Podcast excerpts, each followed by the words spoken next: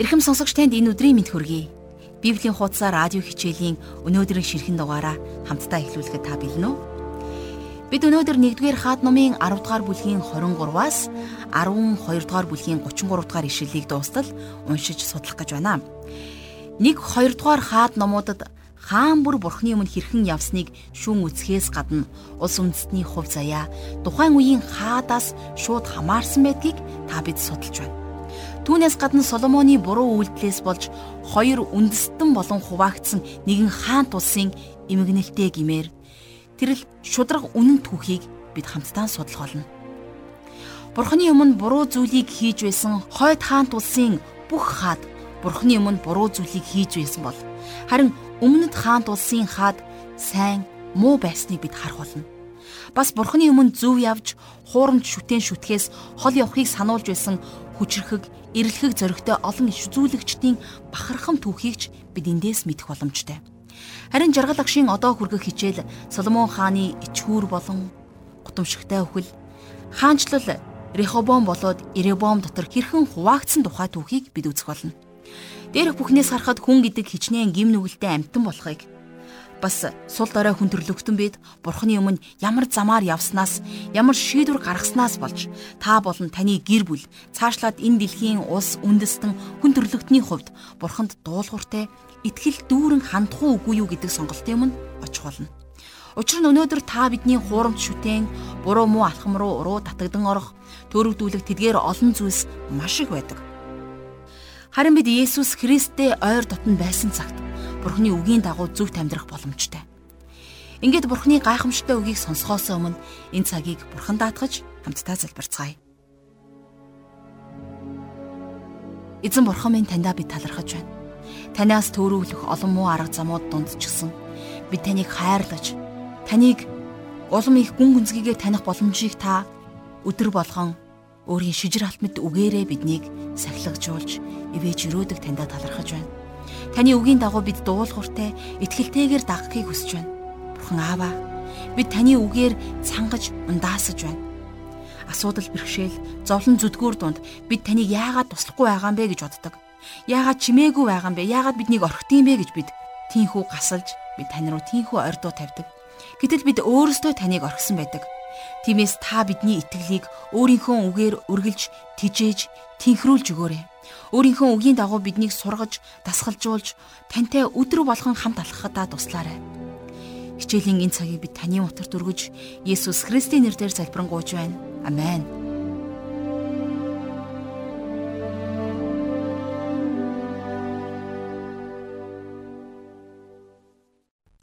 За өнөөдрийнхөө хичээлийг 1-р хаад номын 10-р бүлгийн 23-аас 24-р ишлэлээр хамтдаа эхлүүлцгээе. За энд ингэж бичсэн байна. Соломон хаан эд баялаг цэцэн мэрэгэн ухаанаараа газрын бүх хаадаас үлэмж авгаа болжээ. Тиймээс бурхан Соломоны зүрхэнд өгсөн мэрэгэн ухааныг сонсох гэж бүх дэлхий Соломонд бараалахыг хүсэмжилдэг байлаа гэсэн байна. За яахын аргагүй саяны ишлэлээс харахад Соломоны хаанчлал оргил зэгтээ хүрсэн яг тийм цаг үе байсан байна. За энэ бол маш итгэмжтэй гэрчлэлээр тодорхойлогддог үе байсан. За бид нар энийг Шибагийн хатан хааны амьдралд дүрслэгдснээр нь мэдэж авах боломжтой. Иерусалим хот руу маш олон хүмүүс ирсэн гэж дээр ишлэлдэр бичсэн байна. Ингэснээр Соломоноор дамжуулан дэлхийд нэгэн жинхэнэ гэрчлэл өгөгдсөн байсан. За энэ бол Бурхны төлөөх гэрчлэл байсан юм. За цааш нь хамтдаа 10 дугаар бүлгийн 25 дугаар ишлэлээс харъя. Жил болгон ирж буй хүн бүр өөрсдийн бэлэг болгон алт мөнгөн урлал, хувцас хунар, зевсэг, амттан, морд луус авчирдаг байлаа гэсэн байна.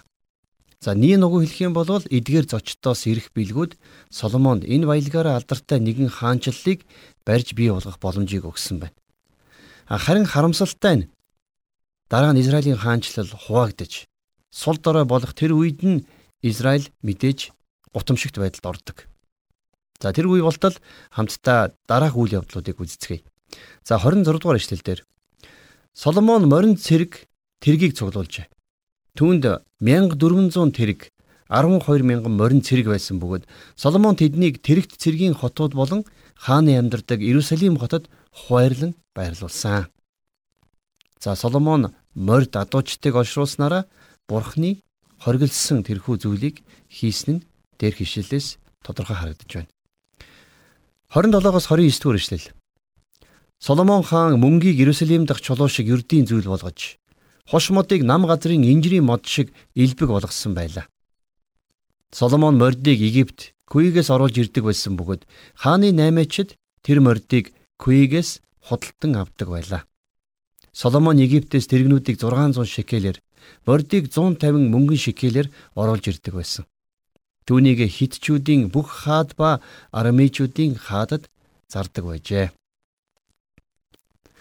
Соломон өөрийнхөө хаанчлалд үнэхээр маш агуу том хөрөнгийг босгосон. Тэр алт мөнгө үнэт чулууны зах зээл дээр монополь эрх тогтоосон байна. За би танаас нэг асуулт асууя. Та өнөөдөр яг юу хийгээд завгүй байгаа вэ? Та бурхны үгнээс суралцж байна уу эсвэл мичнүүд цуглуулах ажилд зүтгэж байна уу? Та бурхны үгийн төлөө илүү төлдөг үү эсвэл зугаа цэнгэлд илүү их мөнгө зарцуулж байна уу? Та мөнгөө эзний ажлаас өөр илүү зүйл зарцуулж байна уу? За алт мөнгө үнэт чулууны талаар. Тэгэхээр та мөнгө олохоор эзэнд цаг үлдээхгүйгээр завгүй ажиллаж байна уу? За би энэ асуултаар таныг зочрох гэсэнгүй. Харин би нэгэн маш чухал үүрэг даалгавар бидэнд байгаа гэдгийг танд дахин сануулах гэсэн юм. Та бид нар бүгдээрээ дэлхийд гэрч байхаар дуудагдсан. Тэгэхээр Соломон хаан өөрийнхөө амьтны хүрээлэнд янз бүрийн мич амьтдыг авчирч цуглуулж түүнээсээ таашаал авч байсан. Гэхдээ түүнд Бурхны хаанчлалын гэрч байх гайхамшигтай үүрэг өгөгдсөн байсныг Соломон хаан умартсан байсан юм.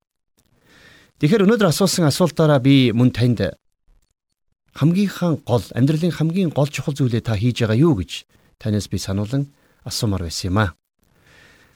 За ингээд 1-р хаад номын 11-р бүлэг дээр хамтдаа ирсэн байна. Тэгэхээр Соломон хааны түүх болвол миний бодлоор за Библийн хуудаснууд дах хамгийн том бүтлгүүтэл байсан. Хэрвээ та санаж байгаа бол Лук номыг үзэж явах үедээ Есүсийн хэлсэн нэгэн ишлэлийг би энд татмаар байна.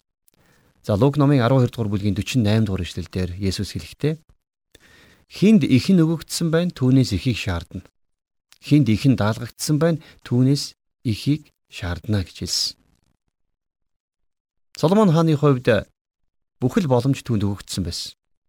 Харин тэрээр хуурамч шашныг дундаасаа зайлуулж чадахгүйгээр түүний хаанчлал бүтлгүүтлэр эхэлсэн байдаг юм. За эхэндээ ердөө толб төдий байсан зүйл уйман өвчин шиг тахал болон тарсан. За нөгөөтэйгөр Соломон хаан мянган татвар им харин эмэгтэйчүүдтэй гэрэлсэн байсан. За эдгээр эмэгтэйчүүд Соломоныг бурхны зүрхнээс эргүүлсэн байдаг юм.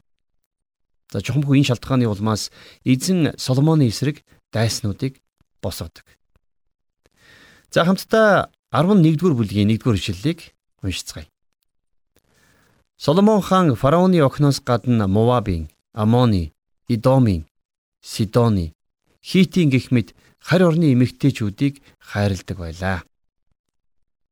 За дашрамд хэлэхэд эмэгтэйчүүдийн талаар бол Соломон хаан эцэг Давидыга яг дуурайсан байсан. А гэхдээ тэр аавынхаа бусад зүйлийг нь дуурайгаагүй нь дэндүү харамсалтай. Соломон хаан ордонд өссөн гэдгийг та санаарай. Тэрээр Давидын туулсан хэцүү амьдралыг мэдээгүй өссөн. За ингээд Соломон эмэгтэйчүүдийг цуглуулж эхэлсэн нь хин нэгний эртний машин цуглуулах хоо биш л байсан гэсэн үг. За дээр хишлээс харах юм бол Соломон бүх үндэстнүүдээс эмэгтэйчүүдийг эхнэр шивгчин болон цуглуулсан байна.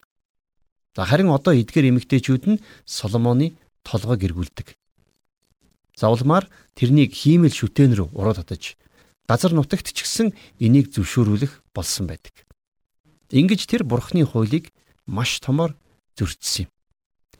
За цааш нь 2 дугаар ишлэл дээр эдгээр үндэснүүдийн талаар эзэн Израилийн хөвгүүдэд хандан Та нар тэдэнтэй мөн тэд ч та нартай холбогдож болохгүй. Учир нь тэд та нарын зүрх сэтгэлийг өөрсдийнхөө бурхад руу заавал хөтлөх болно гэж сануулж байсан билээ. Гисэн хэдий ч Соломон тэдгэр эмэгтэйчүүдийг тууштай хайрлаж байлаа. За би энд хайр гэдэг үгийг зүгээр л бэлгийн харилцаа гэдэг үгээр сольж болох байхаа гэж бодож байна. Энэ бол Соломоны шалтгаан байсан. Тэр ордонд маш олон эмэгтэйчүүдийн донд өссөн л дөө. Тэр хизээч ирчүүдийн хатуу ширүүн амьдралыг үзээгүй. За тэгээд тэр насанд хүрээд эмэгтэйчүүдийг цуглуулахад хамаг цагаа зарцуулсан байна. Соломон тэднэртэй цаг өнгөрүүлэх заншилтай байсан. Тэр маш дэгжин ир байсан. Тэгэхээр өнөөдөр бидний нийгэмд тийм хүмүүс маш олон байдаг. Бурхан энийг энэ талаар нь яг үннээр нь бичсэн баг. А гэхдээ бичсэн гээд Бурхан Соломоны хийсэн зүйлийг таалсан гэсэн үг биш. За учир нь цааш нь хамтдаа унших юм бол 11-р бүлгийн 9-оос 13 дугаар эшлэлдэр Библиэд ингэж бичсэн байна. Соломоны зүрхсэтгэл Израилийн бурхан эзнээс урвсан тул эзэн Соломонд хэлгэнсэн. Эзэн түүнд хоёр ч удаа үзэгдэн өөр бурхтыг бүү даг гэж тушаасан боловч Соломон эзний тушаалыг сахисангүй. Эзэн Соломонд чи үүнийг үлдэн миний чам тушаасан миний гэрээ зааврыг чи сахаагүй учраас Би чамаас хаанчлалыг үнэхээр тастан авч зарцад чинь өгөх болно. Гагцхүү чиний эцэг Давидын тусын тулд би үүнийг чиний өдрүүдэд хийхгүй. Харин чиний хөвгүүний гараас би үүнийг тастан авах болно. Гэвч би хаанчлалыг бүхэлдэн тастан авахгүй. Харин өөрийн бол Давидын төлөө ба өөрийн сонгосон Иерусалимийн төлөө нэг овгийг чиний хөвгүүнд өгнө гэж альдлаа гэсэн байна. Тэгэхээр бидэнд нэг ийм ойлголт байсан. Юу гэхлээр түүхэнд Соломон хааныг агуу хаан байсан. Хамгийн хүчтэй хамгийн ухаалаг хаан байсан гэдгээр нь бид нар мэддэг. А гэтэл Библийн яг энэ хэсгээс харах юм бол Соломоны бүтлгүүдл за ялангуяа харь бүсгүүчүүдтэй гэрэлсэн. За тэгээд улмаар харийн шашныг нээлттэй болгосон. Энэ бүх үйл явдлаас нь түүний уруудал, дороотол. За тэрний хаанчлалын бүтлгүүтэл нь эхэлсэн байдаг. Бурхан Соломонд үнэхээр ууралсан. Тэгэхээр хамтдаа Бурханы үгэнд шудраг байцгаая. Зарим хүмүүс үгүй хардаа Бурхан Соломонд мянган ихнэртэй байхыг зөвшөөрсөн байх шүү дээ гэж маргах дуртай хүмүүс байдаг. Харин Библиэлд юу болсон түүнийг яг үннээр нь бодтойгоор бичин үлдээсэн байдгаа гэдгийг би танд хэлмээр байна. Энэ бол Бурхан энийг хүлийн зөвшөөрсөн таалсан гэсэн утгатай үг огт биш. Энэ бол түүх. Гэхдээ Бурхны энд хэрхэн хандаж байгаа ч гэсэн илчлэгдсэн. Юу вэ гэхлээр эзэн Соломонд хэлгэнсэн гэсэн үг байсан. Бурхан Соломонд хандаж тэрнээс хаанчлалыг бүхэлд нь авахгүй гэж хэлж байна. Харин Соломоны хүүд нэг л овгийг үлдээнэ гэж Бурхан хэлсэн. За тэр үлдээн гэсэн овг нь бол Бенжамины овг байсан гэж бид нар мэднэ. Тэгэхээр Соломон Юда овгийнх байсан. Овг нь тэр овг тэрнтэй хамт зогсох ёстой байсан. За тиймээс Бенжамин Юда нь Давидын гэр бүлтэй хамт болно. Хойд зүгдэх бусад 10 овг Ёробамыг даган явцгаадаг. За одоо бид нэр Соломоны хаанчлалын төгсгөлийн тэр цаг үе рүү дөхөн ирж байна. За бурхан энэ хүний хувьд нэгэн асуудлыг гаргаж ирсэн. Исаи номын 57 дугаар бүлгийн 21 дугаар эшлэлдэр нэг ийм ишлэл байдаг юм. Хилэнцтэнд амар амгалан байхгүй гэж миний бурхан айлдж байна гэж. Тэгэхээр Соломоны хувьд бол тэр амар амгаланд умбан жаргаж байсан. Харин одоо харин тэрний хаанчлалын үед анх удаага дайн болдог. За энэ тухай 11 дугаар бүлгийн 14 дугаар ишлэлээс харъя. Үүний дараа эзэн Идом хүн Хададыг Соломоны өстөн болгов. Тэр Идомд сурвалжид гаралтай хүн байлаа гэсэн байна. За тэгээд дараагаар нь бид нэр Еревом гэдэг хүнтэй танилцсан. Хамтдаа 11-р бүлгийнхээ 26-аас 28 дугаар ишлэлийг харъя. Соломоны зарц байсан Небатын хүү Еребом бас хааны эсрэг босов. Тэр Зередагийн Ифраим хүн бөгөөд түүний их нь бэлэвссэн эмэгтэй Зеруя байв. Хааны эсрэг босгуулсан шалтгаан нь энэ болоо. Соломон Милог барьж эцэг Давидынхан хотын хэрмэндик цөмөрсөн хэсгийг битүүлж байсан юм. Тэр үед Еробом зоригтой дайчин ир байсан бөгөөд Соломон энэ залуугийн хөдөлмөрч байдлыг хараад түүнийг Йосефийн гэрийн бүх хөлсний ажилчдын дээр тавьжээ. За эндээс харах юм бол хэдийгээр Еробом гэгч энэ хүн зарц боолын хүү байсан ч гэсэн за Соломон тэрнийг нилээд авьяас чадвартай залуу байгааг нь анзааран харсан байна. За тийм учраас Соломон тэрнийг өндөр байр суурьнд за өндөр хариуцлагыг өрүүлсэн гэсэн үг. За тэгээд цааш нь юу болж байгааг хамтдаа 29-оос 32 дугаар ишлэлээс харъя. Тэр үед Еробомыг Иерусалимаас гарч байхад нь Шилон хүн Ахия иш үзүүлэгч түүнтэй зам дээр уулзсан. Тэр хоёр тэр газар хоёулахна байсан бөгөөд Ахия шин дээл өмссөн байлаа. Тэгээд Ахия өөрийн өмсч явсан шин дээлээ тайлж 12 хэсэг болгон урлаа. Тэрээр Еребомд энэ 10 хэсгийг чи өөртөө ав. Учир нь Израилийн бурхан эзэн ийн айлдаж байна. Үзэгтэн би Соломоны гараас хаанчлалыг нь салган 10 овгийг нь чамд өгөх болно. Гэвч миний бол Давидын тусын тулд мөн Израилийн бүх овгуудаас миний сонгосон хот Иерусалимыг бодон зөвхөн нэг л овгийг түүнд үлдээнэ гэж. За энд иш үзүүлэгч Ахия гэж хүн гарч байна тийм ээ. Тэгэхээр иш үзүүлэгч Ахия Ирибомын шинэ хувцсыг нь аваад 12 хэсэг болон тастан урсан. За тэгээд тэр 10 хэсгийг Ирибомд өгөөд за бурхан чамд 10 овгийг өгөх гэж байна. Хаанчлал одоо хуваагдах гэж байна гэж урдчлан зөгнөж иш үзүүлсэн байна. За тэгэхээр нэг асуулт гарч ирж байна. Бурхан яагаад хаанчлалыг хоёр хуваах гэж байгаа юм бэ? За энийг хамтдаа 33 дугаар ишлэлээс харцгаая. Учир нь тэд эцэг Давид шигээ амьдарч миний тогтоол заавруудыг сахин миний мэлмийн өмнө зөв зүйлийг хийж миний замаар явуулгүй намайг умартан Сидончуудын охин тэнгэр Ашторет Моабын бурхан Хемош Амоны хүүгүүдийн бурхан Милкомыг шүтсэн гэсэн байна. За тэгэхээр дээрх асуултын хариулт саяын бидний уншсан ишлэл дотор байгаа биз? За ингэж Ахия иш үзүүлэгч үгээ үргэлжлүүлдэг. Тэгэхээр Давидын төлөө Бурхан хаанчлалыг Соломоны гараас булааж авахгүй гэж хэлсэн. А гэхдээ энийг Соломоны хүүгийн гараас нь аваад за зарц боолын хүү болох Еребомд 10 овгийг нь өгөх болно гэдгийг Бурхан урдчлан иш үзүүлсэн байна. За эдгээр зүйлсийн дараагаар Еребом амиа аврахын тулд зогтох ёстой болдог. За 1-р хадын 11-р бүлгийн 40-р ишлэгийг хамтдаа харъя. Үүний учир Соломон Еребомыг алах гэж ирсэн боловч Еребом босож Египтийн хаан Шишак руу зугтан Египт рүү Соломоныг өөхөх хүртэл Египтэд хорогдож байлаа гэсэн байна. За ингээд 11-р бүлгийн 41-ээс 43 дугаар ишлэлдэр болвол Соломоны үхлийн тухай тэмдэглэгдэн үлдсэн байдаг. За хамтдаа харцгаая. 11-р бүлгийн 41-ээс 43. Соломоны хийсэн ажлууд мэрэгэн ухаан зэрэг өөр бусад үйлсийг Соломоны үйлсийг тэмдэглэсэн номд бичээгүй гэж юу? Соломон Иерусалимд суун бүх Израилийг захирсан хугацаа нь 40 жил байлаа. Соломон эцэг өвгдийн хамт нойрсож эцэг Давидынхан хотод оршуулагджээ. Түүний хүү Рехобом түүний оронд хаан боллоо. За тэгэхээр бид нэр Соломоны амьдралын намтар түүний үйлс за бас тэрний мэрэгэн ухааны талаар илүү дэлгэрэнгүй шаштрын дээд за бас шаштрын дид номнуудаас хамтдаа суралцах болно. Соломон дэлхийн зүйлсийг хуримтлуулах тал дээр бол үнэхээр гайхалтай хаан манлайлагч байсан. Хаанчлал дах бүх зүйлс эд хөрөнгө, элбэг хангалуун, хөгжил, цэцгэлт болвол яахын аргагүй Соломонтой холбоотой. Шинэ гэрэн дээр Есүс их эзэн Соломоны алдар эд хөрөнгийн талаар бас цухас дурдсан байдаг. Тэгэхээр Соломоны хаанчлал яахын аргагүй энэ газар дэлхий дээр байсан үнэхээр агуу том хаанчлал байсан гэсэн үг. За ингээд 1-р хаадын 12 дугаар бүлэг дээр ирсэн байна. За тэгэхээр 12 дугаар бүлэг дээр болвол Соломоны хүү Рехобам гихч хүн хаан ширээг нь өвлж авдаг.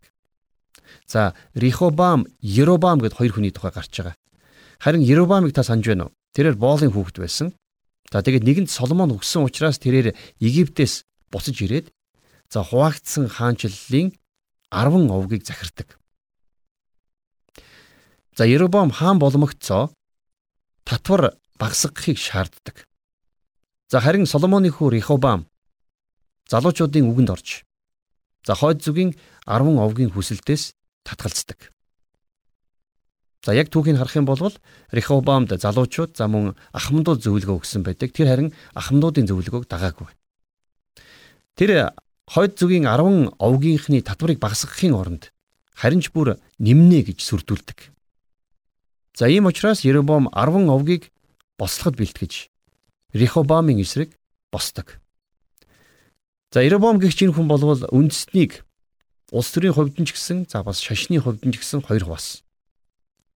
За юу гэвэл тэрээр битэлд нэгэн алтан туглыг за дааны овогт бас нэгийг байрлуулдаг. За дээрэс нь хойд зүгийн овгууд хиймэл шүтэн шүтэх байдал руу орцгоосон байдаг. За хамтдаа 12 дугаар бүлгийн 1-ээс 5 дугаар ишлэлийг уншийе. Ингээд бүх Израильчууд Рехобамыг хаан болгох гэж Шихемд цугларсан учраас Рехобам ч Шихемд очив. Небатын хүү Ербам сонсох үед тэрээр Египтэд амьдарч байсан. Учир нь тэрээр Соломон хааны өмнөөс зүхтан гараад Египтэд амьдарсаар байв. Тэгээд тэд хүн илгээж Ербамыг дуудуулан Тэрээр Израилийн бүх чуулгантай хамт Рехобамд бараалхахдаа таны эцэг бидний буулгыг хүнд болгосон. Тэм учраас одоо бидний дээр тогссон хүнд буулга болон эцгийнхээ бэрх алав татварыг хөнгөлж өгөөч. Тэгвэл бид танд үйлчилнэ гэв. Рехобам тэдэнд 3 өдрөөр явцгаа дараа над руу ирэхтэн гэж тушаалаа. Ингээд ард түмэн явцгаав. За хэрвээ та санаж байгаа бол Соломон асар их үн өртгөөр маш том нүсэр барилгын хөтөлбөрийг хэрэгжүүлсэн байсан. За энийгээ барихын тулд мэдээж ард түмнээсээ алба говчуур татсан гэсэн үг. За тэгээд мэдээж Рехобамаас хүмүүс татвараа бууруулаач гэж хүсдэг. За энэ Рехобамын хувьд болвол энэ хүсэлтийг нь харгалзан үзэх боломж тэрэнд байсан. Юу гэвэл мэдээж татварыг бууруулах юм бол тэр ард түмнийхээ дунд нэр алдартай болох боломж түүнд байсан гэсэн үг. За гэтэл харин Рехобам ямар шийдвэр гаргасныг хамтдаа цааш нь 12 дугаар бүлгийнхээ 6-аас 7 дугаар ишлэлээс харъя. Амьд байх үед нь эцэг Соломонд нь үйлчилж байсан ахмандуудтай Рехобам хаан зөвлөлдөн энэ ард түмэнд ямар хариу өгөхийг та нар надад зөвлөмөр байна вэ гэж асуув. Тэд Рехобамд хариулан хэрв та өнөөдөр энэ ард түмний боол байж тэдэнд үйлчилж тэдний хүсэмжилсэн зүйлсийг нь тэдэнд өгч тэдэнд илдэг үгсийг хэлбэл энэ ард түмэн үүр таны боол болох юмаа гэж зөвлөвөө. За Рехобам эхлээд мэрэгэн ахмадууд руу хандаж асуусан байна. Яагад үг гэхээр тэд нэр Соломонд зөвлөгөө өгдөг байсан. За тэдний зөвлөгөө бол үнэхээр зөв сайн зөвлөгөө байсан. А гэвч харамсалтай нь Рехобам хаан тэдний зөвлөгөөг үл тоомсордог. За цааш нь үйл явдал хэрхэн өрнөхийг хамтдаа 8-аас 11 дугаар ишлэлээс харцгаая. Гэвч түүнд өгсөн ахмадуудын зөвлөгөөг тэр үл хайхран өөртөө хамт өссөн, өөрт нь үйлчилж ирсэн залуучуудтай зөвлөлдөв. Тэрээр тэдэнд энэ ард түмэн бидний дээр тогсон эцгийнхээ буулгыг хөнгөлж өгөөч гэж хэлж байхад тэдэнд ямар хариулт өг гэж та нар надад зөвлөгсөн болоо гэв. Түүнтэй хамт өссөн залуус түүнд чамд хандан таны эцэг бидний буулгыг хүнд хүчээр болгосон. Одоо та түүнийг хөнгөлж өг гэж шаардаж байгаа энэ ард түмэнд хариулахдаа Миний чихчи хуруу эцгийн минь ууцнаас ч бүдүү юм. Миний эцэг та нарт хүнд буулга өөрүүлсэн бол би түүнийг чинь илүү хүнд болгоно. Эцэг минь та нарыг ташуураар сахилгажуулж байсан бол би та нарыг хилэнцэд хорхоогоор сахилгажуулах болно гэж хэлээрэ гэсэн байна. За ингээд Рехобом өөртөөгөө хамт өссөн залуучуудаас асуусан байгаа биз. За тэд нэр ч бас тэр нь зөвлөгөө өгсөн. Гэтэ үнэхээр мунхаг за тэнэг зөвлөгөө байсан. За ингээд цааш юу болохыг хамтдаа харцгаая. 12-оос 15 дугаар эшлэл дээр хаан 3 дахь өдөр над руу буцаж ир гэж тушаасны дагуу Ербам ба бүх ард түмэн 3 дахь өдөр Рехобамд бараалхав. Өөрт нь өгсөн ахмадуудын зөвлөгөөг тэрээр үл хайхарсан тул ард түмэнд хатуу ширүүнээр хариуллаа. Тэрээр залуусын зөвлөсний дагуу тэдэнд хариулан Миний эцэг та нарын буулгыг хүнд болгосон бол би та нарын буулга дээр нэмэх болно. Эцэг минь та нарыг ташуураар сахилгажуулж байсан бол би та нарыг хилэнцэд хорхоогоор сахилгажуулах болно гэж хэлв. Хаан ард түмнийг сонссонгүй. Учир нь эзэн Шилон хүн Ахиагаар дамжуулан Небатын хүү Еребомд хэлсэн үгээ тогтоохын тулд эдгээр бүх зүйлсийг эргүүлсэн юмаа гэсэн байна. За ингэж маш харамсалтай зүйл болж байна. Юу вэ гэхээр Рехобом за Ахмад хүмүүсийн зөвлөгөөг авалгүй харин залуу хүмүүсийн гинэн мунхаг зөвлөгөөг дагсан. За тэгээд татвар буруулахын оронд би тэдгэрийг өсгөх болно. Хүмүүст илүү зөөлөн байхын оронд би та нарт илүү чанга хатуу хандна гэж хэлсэн байна. 16 дугаар ишлэл. Өөрсдийг нь хаан сонсохгүй байгааг бүх израилчууд хараад ард түмэн хаанд хариулан Давидын дотор бидэнд ямар хувь байгаа вэ? Есүсийн хүүгээс залгамжлан авах өв бидэнд байхгүй. Израиль өөр өөрсдийн майхан руу буцацгаа. Давида одоо чи өөрийнхөө гэрийг л харж ханд. За энхүү ард олны дунд бослого болсон. За энэхүү хаанчлалыг хуваасан бослого Еребомын удирдлагаар дэгдсэн. За тэгээд мэдээж энэний үр дүнд иргэний дайнд дэгдсэн байдаг. 18 дугаар ишлэл. Дараа нь алавдлагын хөдөлмөрийн захирагч Адурамыг Рехобам хаан илгээсэн боловч бүх Израильчууд түүн рүү чулуу шидлэн алжээ. Рехобам хаан шоловхон тэргэндээ сун Иерусалим руу зугтлаа. За тэгэхээр хөдөлмөрийн сайд Адурамыг тэд нэр чулуугаар шидэж алсан. За тэр нь тэдний татвар хураагчаас ангижрах арга байсан баг. За тэгээд Рехобам юу болсныг сонсоод Иерусалим руу ум хумгүй зогтсон байна. За 19 дэх үргэлжлэл. Израильчууд энэ өдрийг хүртэл Давидын гэрийнхэнтэй тэрсэлтсээр байгаа юм а гэсэн байна. Тэгэхээр Израиль үндэстэн Давидын гэрийн эсрэг болсон. За хаадын 1-р ном бичигдэх хүртэл энэхүү дайн үргэлжилсэн байдаг. За энэ нь Вавилоны боолчлоос буцаж ирэх хүртэл үргэлжилсэн бослого байсан юм. Тэгэхээр Рехобамын мунхаг шийдвэр нь Еребомд хойд зүгийн 10 овгийг захирах боломжийг өгсөн байдаг. За ингэж хойд зүгийн хаанчлал бий болсон түүхтэй. За цааш нь хамтдаа харцгаая. Еребом Ифраимийн уулархаг нутагт Шихемийг босгон барьж тэндээ амьдарсан билээ. Тэндээс тэрээр нүүн Пенуэлийг босгон барив. Ербом сэтгэлдээ одоо хаанчлал Давидын гэрийнхэнд очих нэ гэж бодлоо гэсэн байна. За хэрвээ эдгээр хүмүүс Иерусалим дахь эзний өргөнд өргөл өргөхөөр очих юм бол тэдний зүрхсэтгэл өөрсдийн эзэн буюу Юдагийн хаан Рехобом руу иргэнэ. За тийм учраас тэд нар намайг халаад Юдагийн хаан Рехобом руу эргэж очих болно гэж Еребом бодсон байна. За ингэж э, бодсныхоо дараагаар хаан өөрсдийнхөө зөвлөхүүдтэй зөвлөлдөөд за тэгээд хоёр ширхэг алтан туглыг хийдэг. За тэгээд ингэснийхэн дараагаар тэр ард түмэндээ хандаж Иерусалим руу явах нь та нарт хит хол юм. Израиль та нарыг Египт газраас гаргасан бурхтыг харахтун гэв. Тэрээр нэгийг нь битэлд байрлуулан за нөгөөг нь даанд тавьсан. Ард түмэн алтан тугалд мөргөхөөр дааныг хүртэл явж байсан учраас энэ нь нүгэл боллоо гэж 12 дугаар бүлгийн 25-аас 30 дугаар ишлэлдэр бичсэн байна. За тэгэхээр Ирибом өөрийнхөө ард түмнийг Иерусалим хотод очиж мөргөхөөс нь сэргийлж өөрөө битэл за бас даанд алтан тугал шүтэнүүдийг бүтээсэн байдаг. За дайн гэдэг газар нэгийг тавьсан. Тэгээд тэр тэдгэрийг хүмүүсийг мөргөн хөндлүүлэхээр тавьдаг. Тэгэхээр 1-р хаад ба 2-р хаад номуудад Израилийн хаанчлал хэрхэн хоёр хуваагдаж Израиль буюу хойд талын хаанчлал за Юда буюу өмнө талын хаанчлал болсон тухай зах зухаас нь хамтдаа сая үзлээ. Гэхдээ энэ түүх цаашаа үргэлжлэнэ. Бид айл ал хаанчлал руу тус тусд нь харах болно. А гэхдээ Юдагийн хаанчлал бол Израилийн хаанчлалаас илүү удаан үргэлжилсэн хаанчлал байдаг. Хуваагдсан хаанчлалын он цагийн хүснэгтээс харах юм бол яг ямар ямар хаадууд за бас тухайн үед ямар ямар иш үзүүлэгчд ямар хугацаанд байсныг нь харах боломжтой байдаг. За ингээд хамтдаа бид 1-р хаад номынхон 12-р бүлгийн төгсгөл дээр ирж байна. За энэ үед Рехобам бол Давидын үеийг залгамжлах өмнөд хаанчлалын хаан болсон. Харин Еребом бол хойд хаанчлалын хаан болсон. За дээр уншсанчлан Еребом хоёр алтан тугал хийснээр хойд зүгт шин шүтэн шүтэх тэрхүү шашныг танилцуулсан байдаг. За тэдгээрээ тэрээр битэл дайн гэдэг газруудад тавьснаар хүмүүсийг Иерусалим руу мөргүүлэхээр явуулахгүй гэсэн зорилготой байсан юм. За ингэж харамсалтай нь Соломоны хаанчлал хоёр хуваагддаг. За тэгэд удалгүй маш том иргэний дайнд игдэнэ. Энэ нь хойд хаанчлал олзлогдох хүртэл үргэлжилсэн урт удаан тайм байсан юм.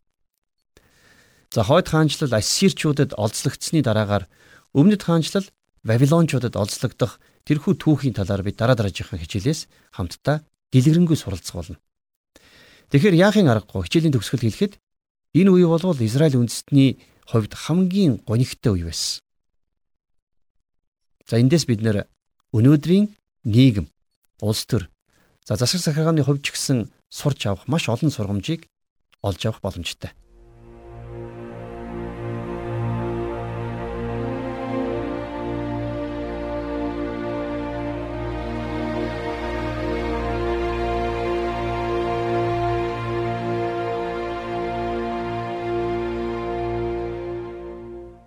Тэгэхээр өнөөдөр бид улс орныг захиран байгаа хаад ноёдоос бүхий л улс үндэстэн хамааралтай байдаг хийгээд мөн бурхны өмнө зөв шударга явах ёстой талаар суралцлаа.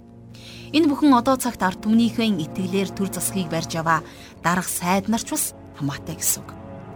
Хэрвээ бурхны үгээр бас харин өөрсдийн эрх ашигын дагуу байвал ямархан хэцүү асуудлууд ард түмний нуруун дээр ирдгийг Соломон хааны буруу шийдвэр мунхаг буруу алхмаас та бид бэлгнээ олж харлаа. Соломон хаан 40 жил төрийг барьж эзний өмнө амьдрсан ч гэсэн Бурхны өмнө сайн бас саар зүйлийг хийсэн болохыг бид нэгдүгээр хаад номыг уншиж байхдаа ойлгож ухамсарлаж байлаа. Тэрээр мэрэгэн хаан гэж түүхнээ үлдсэн ч гэсэн худал шүтэн шүтдэг харь эмэгтэйчүүдтэй гэрлэж худал шүтэн шүтснээсээ болж улс үндэстнээ задарган бутрахсан юм. Ингэснээр жаргал агшийн хийсэнчлэн Израиль үндэстний хувьд нэгэн их гуниг зовлонгийн үе бий болж төрсөн юм. Соломон бурхны хоргийг үл сагснараа бурхан эзнээс айж эмээхийг огтхонч суралцаагүй нь харагдаж байна. Түүний эцэг Давид хаан гэхэд чин сэтгэлээс зүрхнийхаа гүнээс бурханд бүхий л ам амьдралаа бүрэн зориулсан бол хүү Соломон нь тэгж чадсангүй. Өмнө нь бурхны нэгүсэл дор байсан энэ хаан өөрийн буруу муу мунхаг үйлдэлээ гимшилгүйгээр нас барсан нь таанч харамсалтай.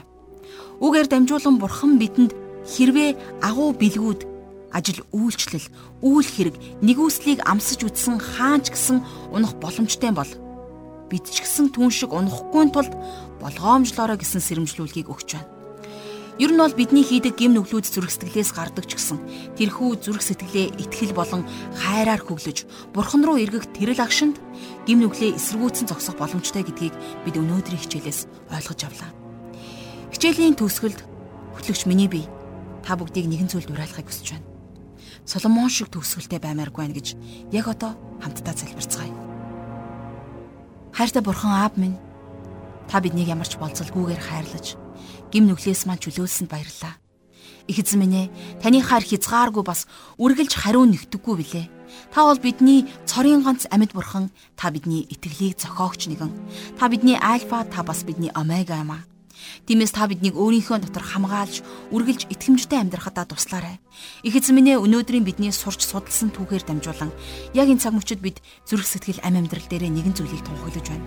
Эзэн бид Соломоны итгэлийн амьдрал, түүний хаанчлалын үйл хэргийн эхлэл шиг бид эзэн танаас мэрэгэн ухаан хүч чадал тэнхээг залбирсан шиг харин яг энэ цаг мөчид бид Соломон шиг төгсгөлгүй байхын төлөө бид яг энэ цаг мөчид гуйж байна. Аваа бид Соломоны мэрэгэн ухааныг багтан биширч байсан. Дэлхий тэр аяараа Соломоныг гайхамшигтай мэрэгэн удирдагч энэ дэлхийн хамгийн ухаалаг мэрэгэн хаан гэж түүхнээ бичигдсэн ч гэсэн харин түүний амьдрал түүний амьдралын төгсгөл нь гутамшигтай бөгөөд уруудан дороотсоор мөксөн. Харин минь бид таны сүнсний хүч чадлыг таны нэгүслийн ивэл өрөөлийг ам амьдрал дээрээ тунхаглахдаа Соломон хаан шиг уруудан доройтсон тэрэл мөхлөөр дуусгахгүй тулд гуйж байна. Эзэн та үргэлж биднийг даруй байлгаж, таны мэрэгүн хаан, таны бэлхлэл, таны хангалтуудаас бид урвж, бид бардамнаж, бид дуулуургүй байхгүй тулд эзэн минь таны ариун сүнсний тослохоог бид гуйж байна. Та биднийг даруй, та биднийг хүчрхэгч гисэн даруй сүнсээр та биднийг хүлж, та биднийг тийхүү сүнс дотроо алхуулж өгөөрэй. Их эзэн минь таньдаа талархаж байна. Хичээлийн үг болгоны төлөө жаргал агшийн тайлбаруудын төлөө бүх зүйлийн төлөө тань талархаж Есүс Христийн нэрээр залбирanгуйч байна. Амен.